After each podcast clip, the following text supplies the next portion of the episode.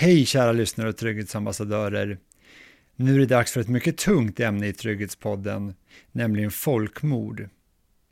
Det absolut värsta som kan hända i ett land är sannolikt folkmord, vilket skapar en fundamental otrygghet i ett samhälle. I det här avsnittet beger sig Trygghetspodden till Rwanda. Under april till juli 1994 mördades uppskattningsvis mellan 800 000 och en miljon människor där. Många på de mest bestialiska sätt. Huvuddelen av de mördade var ju folkgruppen som kallas tutsier och de som mördade var ju folkgruppen som kallas hutuer. Samtidigt begicks mängder av andra brott. Bland annat utsattes hundratusentals flickor och kvinnor för våldtäkter och andra sexövergrepp. Hör Metje som arbetade på Hotel de Mille Collin under folkmordet, det som sen blev känt från filmen Hotel Rwanda. Hör även Honoré Gatera, som under ett par månader tvingades hålla sig gömd i övergivna hus för att överleva. You don't feel cold, you don't feel angry, you don't feel anything. You are only waiting to die. Du lyssnar på Sveriges viktigaste podd, Trygghetspodden, med Anders Königsson. Det är lugnt och fridfullt. Jag står här på balkongen alldeles vid receptionen på Hotell Milkolin och blickar ut över gräsmattan och palmerna, restaurangen där det sitter några människor och äter. Men i kontrast till det här lugnet som finns nu så var det totalt annorlunda här 1994. Då var det här en tillflykt för massor av människor som gömde sig undan folkmordet. Och en av dem som var här 1994 är nitwa Ndabamenye Etienne nakoraga mu byerekeranye n'amashambure Metier Batien är en smal, ganska kortväxt äldre man med grått hår som ger ett försiktigt intryck. Han berättar att han jobbar på hotellet under natten mellan den 6 och 7 april 1994 då mördandet startade. Och han blev strandsatt där inne. Men tack vare att det fanns FN-styrkor på hotellet så blev det ändå en fristad från mördandet som pågick utanför och Mecheba och de andra var i någorlunda säkerhet. Snart började också hundratals människor söka sig dit för att få skydd. Och många av de som kom till Milkolin blev tagna dit av hutuer, alltså från de som var på de mördandes sida. Men att vara hutu och försöka hjälpa en tutsi var livsfarligt. De som gjorde det sågs som en förrädare och mördades också. Och därför var det också massor med hutuer som mördades under folkmordet. Eh, Hotellet var överfullt, så kvinnor och barn sov i rummen och männen låg och sov i korridorerna. Och medan människorna var i någorlunda säkerhet inne på hotellet så höll dödandet på överallt runt omkring. Och de som var där inne fruktade för sina liv. Lastbilar med lik på flaket åkte förbi på vägen utanför. Och vid ett tillfälle samlades Hutu-rebeller vid ingången för att försöka ta sig in på hotellet. Men FN-styrkorna lyckades förhindra det och rebellerna gav sig av. ariko icyakora hakiri ibikoresho bya bya hoteli twabigezaga ku bantu bari bacumbitsemo b'impunzi nyine tukabibaha när man lutar sig ut från balkongen så ser man swimmingpoolen en bit bort i trädgården. Maten och all dryck var slut här inne, så det enda som fanns att dricka, det var vattnet i poolen. Och det drack folk för att överleva.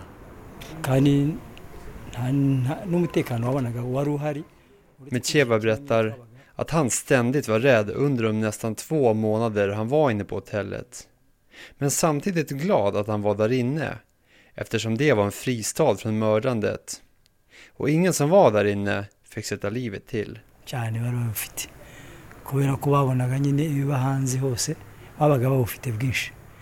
Den 31 maj, nästan två månader efter att folkmordet startade, hade Tutsi-styrkor tagit kontroll över stora delar av landet. Den dagen slöts ett avtal mellan de båda stridande parterna som gjorde att alla människor som var inne på hotell Milkolin kunde lämna det utan risk att råka illa ut. De som ville fick ansluta sig till Tutsi-styrkorna medan resten fördes i säkerhet till en by ett par mil utanför Kigali.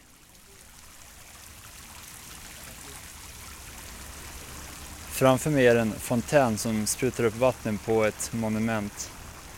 Och det här är vid ingången till Kigali Memorial Center. Och det här museet har byggts bland annat med hjälp från Sverige för att minnas det som hände. Och om man vänder sig bort från fontänen och tittar in mot Kigali som breder ut sig på kullarna så vet man att där och på många, många andra håll i Rwanda så slaktades folk på det mest brutala sätt. De sköts, höggs ihjäl med machetes, slogs ihjäl med klubbor, småbarn slängdes in i stenväggar, krossades. Det här kapitlet, de här tre månaderna ungefär som det här pågick, är ett av de allra mörkaste i hela mänsklighetens historia. abavandimwe banjye babataye muri Här inne på museet så visas hur folkmordet började. Vad som skedde innan, vad som skedde under folkmordet och efteråt. De visar filmer med folk som var med under folkmordet som berättar om vad som pågick. Det hänger kläder från offren. Och det finns bilder på några av de hundratusentals människor som dödades under den här perioden 1994. My name is Honoré Gatera, and uh, I'm the head guide at the Kigali Genocide Memorial Center. Honoré Gatera arbetar som guide på Kigali Memorial Center. Jag träffar honom utanför ingången till den gräddvita byggnaden och vi sätter oss nere på en bänk och han börjar berätta för mig vad som hände då. Well, in 1994, I was uh, 14 years old. In 1994, where did you live? Well, I was living in uh, Gitarama city, which is um, a city nearby Kigali here, 15 minutes drive west of Kigali. Do you remember before the genocide? How was life then?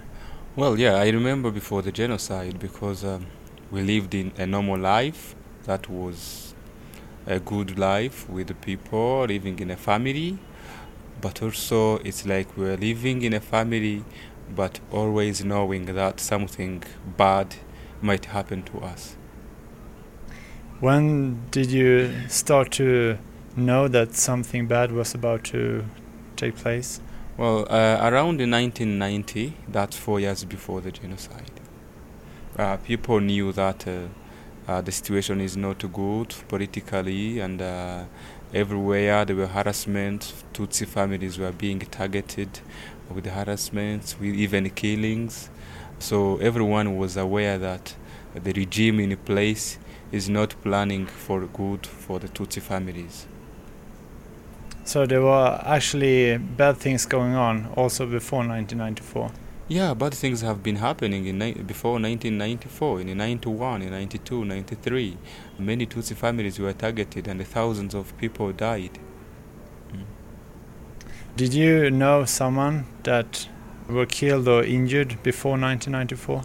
Yeah, I know people who were friends of our family uh, who were persecuted, where they were being stopped by the army, where they were being beaten. Yeah, I know them. So, in your family, what did you think before 1994 about the situation that apparently got worse? Well, the situation was getting worse, um, and uh, there was a ceasefire negotiation between the government of Rwanda and the army of the RPF, and everyone was expecting something positive to come out from it so that the situation can be stabilized. But what happened? Well, nothing happened. The result we expected did not come from it. The genocide happened. Honoré ger ett stillsamt intryck, precis som många andra rwandare jag träffar. Trots att det är ett oerhört svårt ämne så berättar han lugnt och sakligt om det som hände. Han var 14 år då och bodde i Gitarama City som ligger strax utanför Kigali. Honoré är nästan i samma ålder som jag själv och det är overkligt att försöka förstå att hans liv har varit så annorlunda från mitt eget som växte upp i trygga Sverige. Det året, 1994, tittar jag på hur Sverige kämpar sig fram mot ett brons i fotbolls-VM medan Honoré tvingades kämpa till det absolut yttersta för att överleva. Well, at the time I was at home. We were on holidays. We were in the Easter holidays, and uh, the genocide started after the airplane was shot down. Uh, when the people were in holidays, when people were getting ready for Easter, so it happened that those circumstances. What date was that? Do you remember? Yeah, the date that it began was on the, the night of the 6th April in the evening when the airplane was shot down. We didn't know immediately that the president was shot down, and we didn't know that this is the beginning of the whole plan.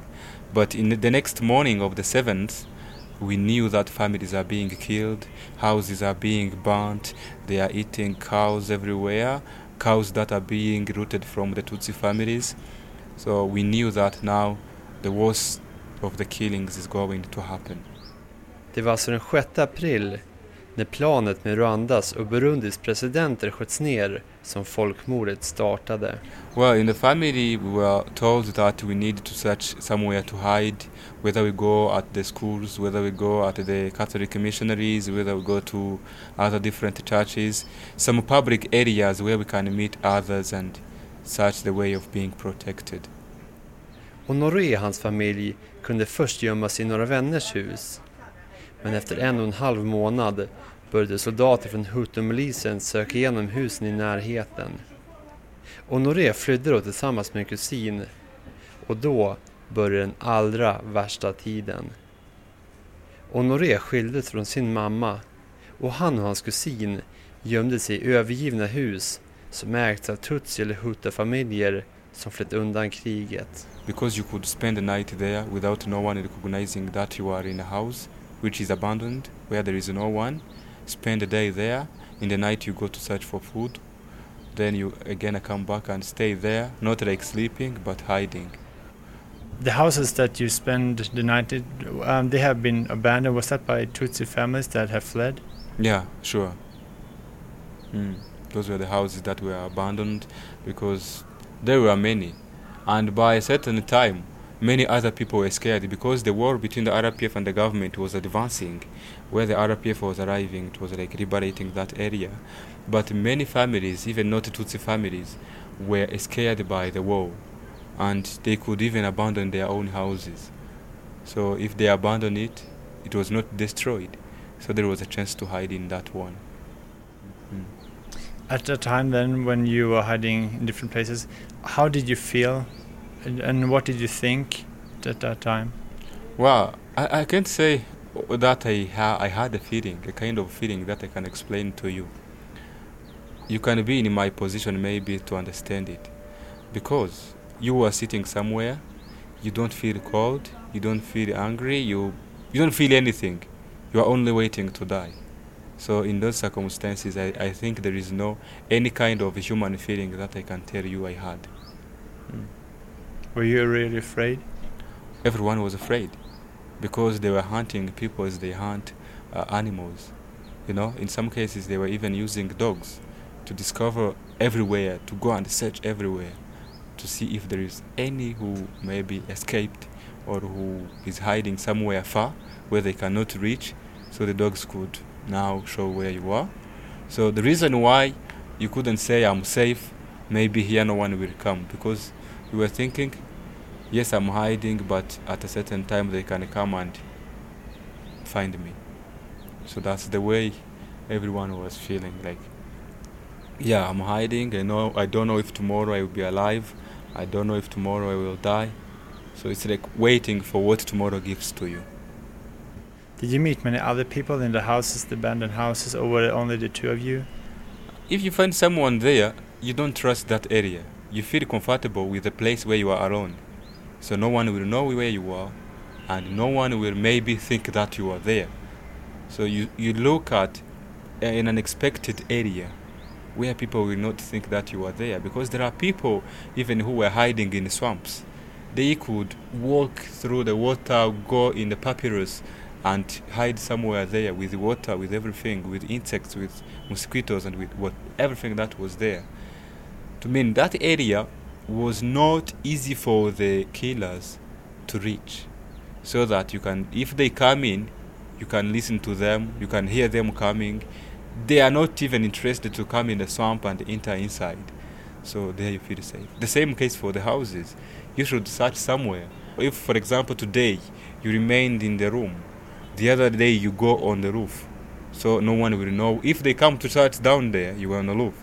If you're on the roof this day, you go down. So changing like that way, it's like you look at the ways you can hide in, uh, like in another way that no one as a human being will expect that area where you are, because there are even it's actually it was not actually the the our own willing. Because when you look at what happened to many people, someone would be hiding in a tree, small tree like that one will look, and the militiamen are surrounding down there, looking, watching everything, drinking beer, saying what they have done, what they achieved for a, for a day where they killed a thousand people, for example, and you are in that tree, and no one discovers you. So that's the way. Were you in the same village the whole time, or did you go to different villages? The same village, the same village. Mm. How big is that? Well, um, not very big, but actually it, it's a capital of a province in Rwanda. So not small, very small, and not big as Kigali. And many people died there also, because there was that refugee camp, which was there. They were not killing people in that refugee camp. They were bringing buses, and they were choosing men and young people, pack them in the buses, and go to throw them in a river, which is Nyabarongo River, and their bodies were floating up to Lake Victoria.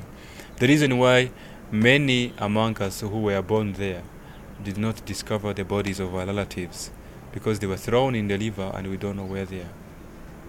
Honoré var hela tiden i samma stad och flydde från hus till hus på nätterna för att han inte skulle bli hittad och dödad. Samtidigt pågick slaktandet för fullt och han blev vittne till det fruktansvärda skådespelet första parkett. Well, what I saw is the way people were being killed because I could watch what is happening outside of me. I was also listening to the militiamen saying whom they have killed, whom they haven't killed, what they have done in the village and what they have done for people a long time ago, like one month ago.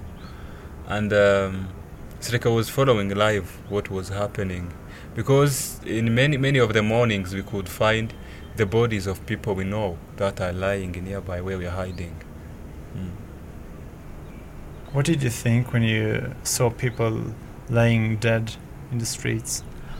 Uh, I remember one case, for example. I, I don't know the kind of feeling that I had because always I'm, I was saying, but what is happening to people? If I'm found, will I be able to escape? And one, one morning, I went somewhere and I found that a family which was living nearby ours was killed. And I saw like five of them that I knew. So that's the time I started now thinking about that now it's possible that maybe the next time is me. And there was no way of maybe escaping or no way of doing anything other than hiding. So that's the kind of life that we spent. Did you also watch when people were killed? I didn't watch like they're killing someone, but I have seen many people being carried by the militiamen to kill them in the forest nearby me. Yeah, so they were passing on the way, looking at them, knowing that they are going to be killed. Mm. So you were almost like stepping over bodies when you went from one house to another? Of course, of course, because uh, there were bodies in Rwanda since since April up to July. Even after we were liberated by the RPF, there were bodies everywhere. It's like we were always walking over them. Because I remember one morning, uh, there was still the darkness, and um, I stepped on a dead body. I didn't know, so it's like my leg fall inside in that leg, and there was no way I moved and continued because I could not lose my forces to continue because that was the only way to remain in life. Mm. So, can you try to explain how it looked, how it smelled, the whole thing when you walked on those streets? I think I don't have any capacity of telling it to you how it looked, how it, it was, how it was smelling. Well, um, have you ever been to a village where there is no one for a month? Yes. Well, that's why it's not easy to explain. Look at an area like one street of Kigali where a thousand people were living and no one is living there. The houses are burnt, the shops are looted, uh, bottles were everywhere in the road, uh, bodies are there smelling, dogs are eating bodies of people, and no one is there to bury them. Nothing is functioning in a normal life. The militiamen that you saw that took people away to kill them, Mhm. and you also saw them. How did they behave? Their beha- I can't explain their behavior very easily because they were people that we knew before. By that time, it's like they changed in our eyes. Looking at someone with whom we were interacting, and at a, at a certain time changes in a way that it's like he doesn't know you. Start drinking beer, start smoking, start spending time eating meat from the cows that were looted from different families. It's like the world changing in your eyes, you know? People becoming animals and people with whom you were used to interact. So did you see people that you known before that were acting like that? Sure, I know them. Hmm? And how was that to see that? Yeah.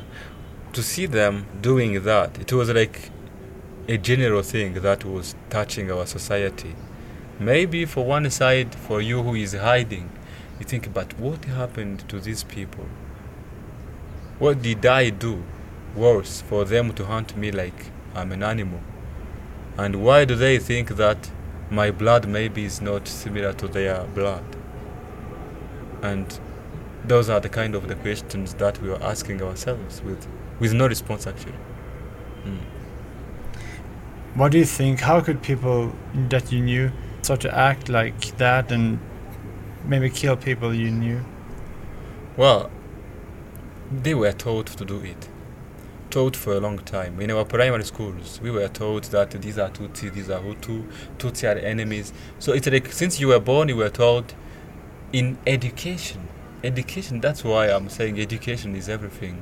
Because they were educated to the bad things. Educated to hate neighbors and friends. And it has been more than 30 years that they were educated to that. The reason why it was not difficult for them to do it. It's not a change that occurred uh, in such circumstances and suddenly it happened. No. The education for it was there already. Uh, were the other kids, the the Hutu kids, were they mean to you because you were Tutsi? Of course, they knew it and they were even talking about it, and we, we couldn't do anything. hmm But were they mean to you because of that and bullied you and so on? Of course, yeah, sure, was happening. What was the worst with being hiding for that long time? It was that it's, it's like spending nights outside. Cold nights, it was the rain season in Rwanda in April, uh, with mosquitoes, with everything that is harming you, but without any chance to go anywhere else.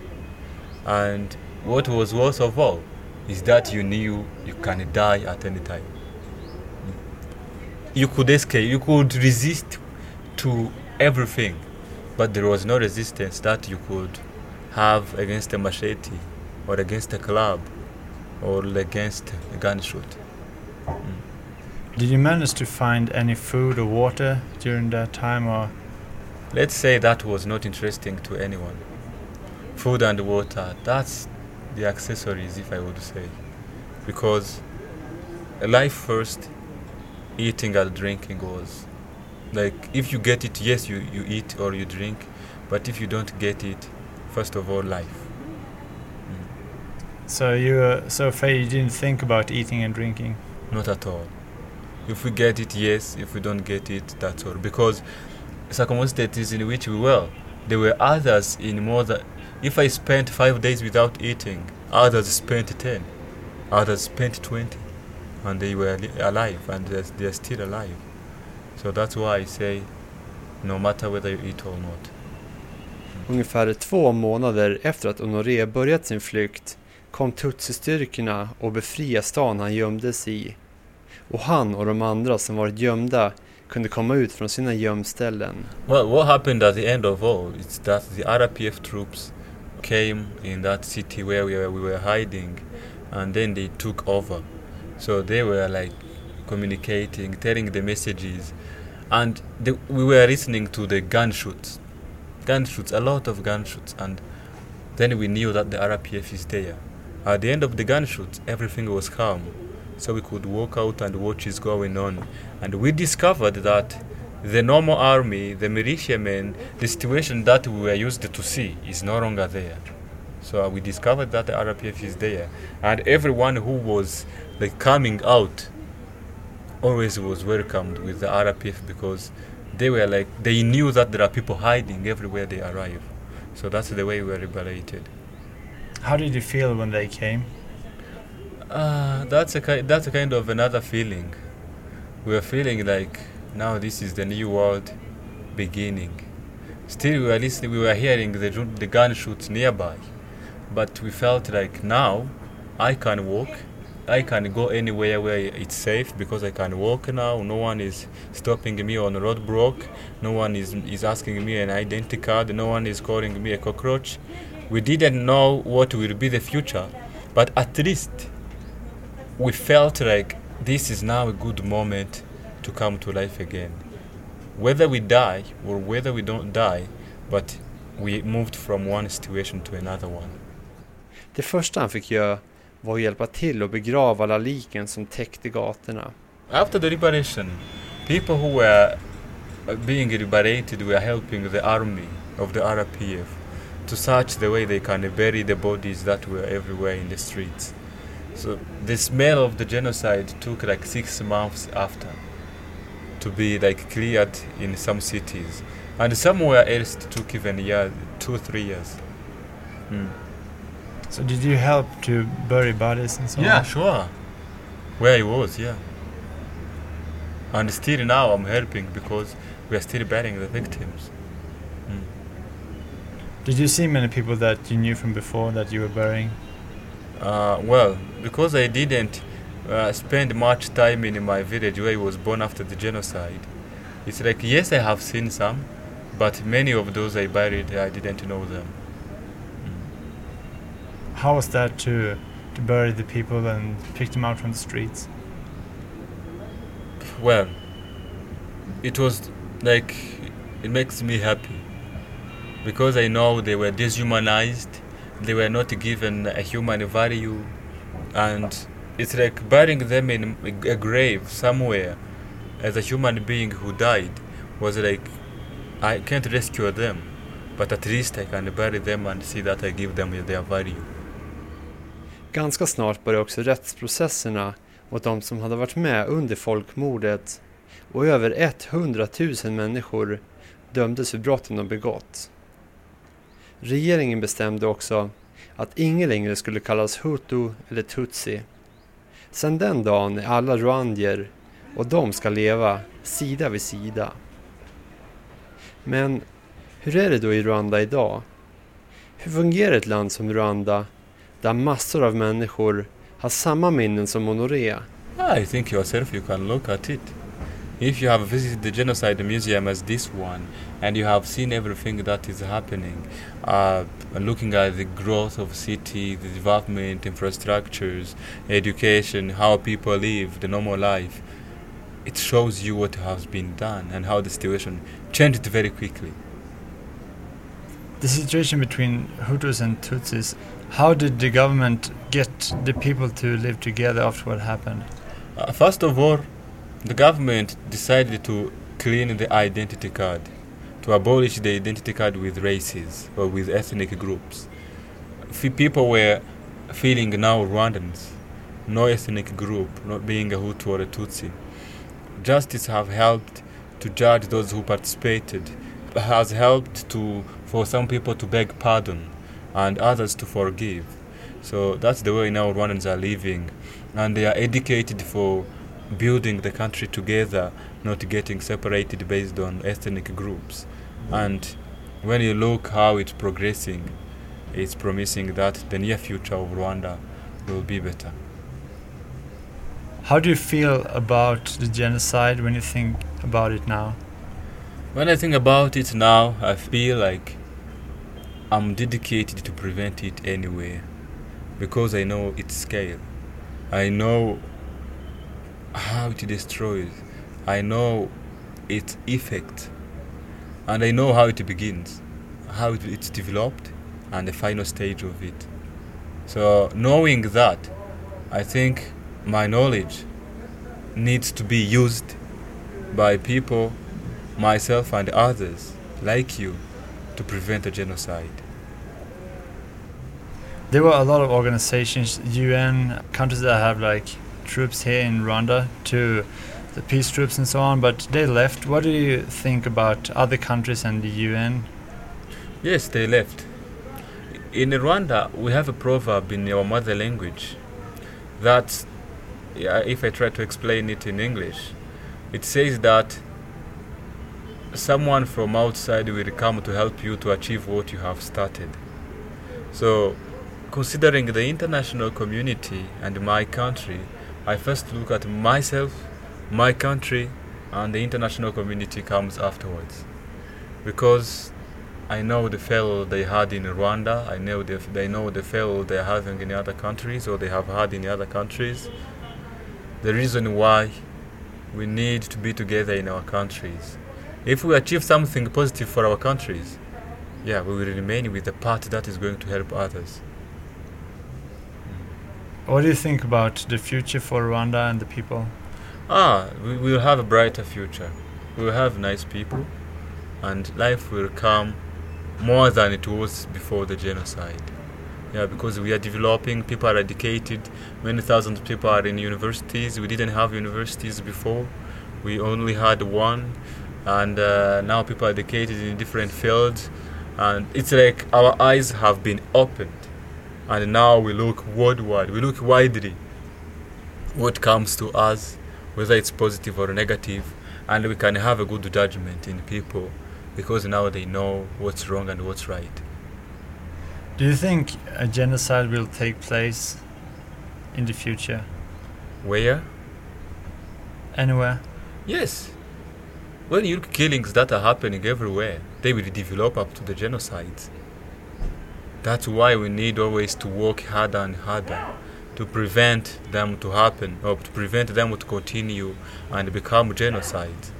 Otherwise, we will be in the same cycle that is turning, it's like we will be turning around ourselves.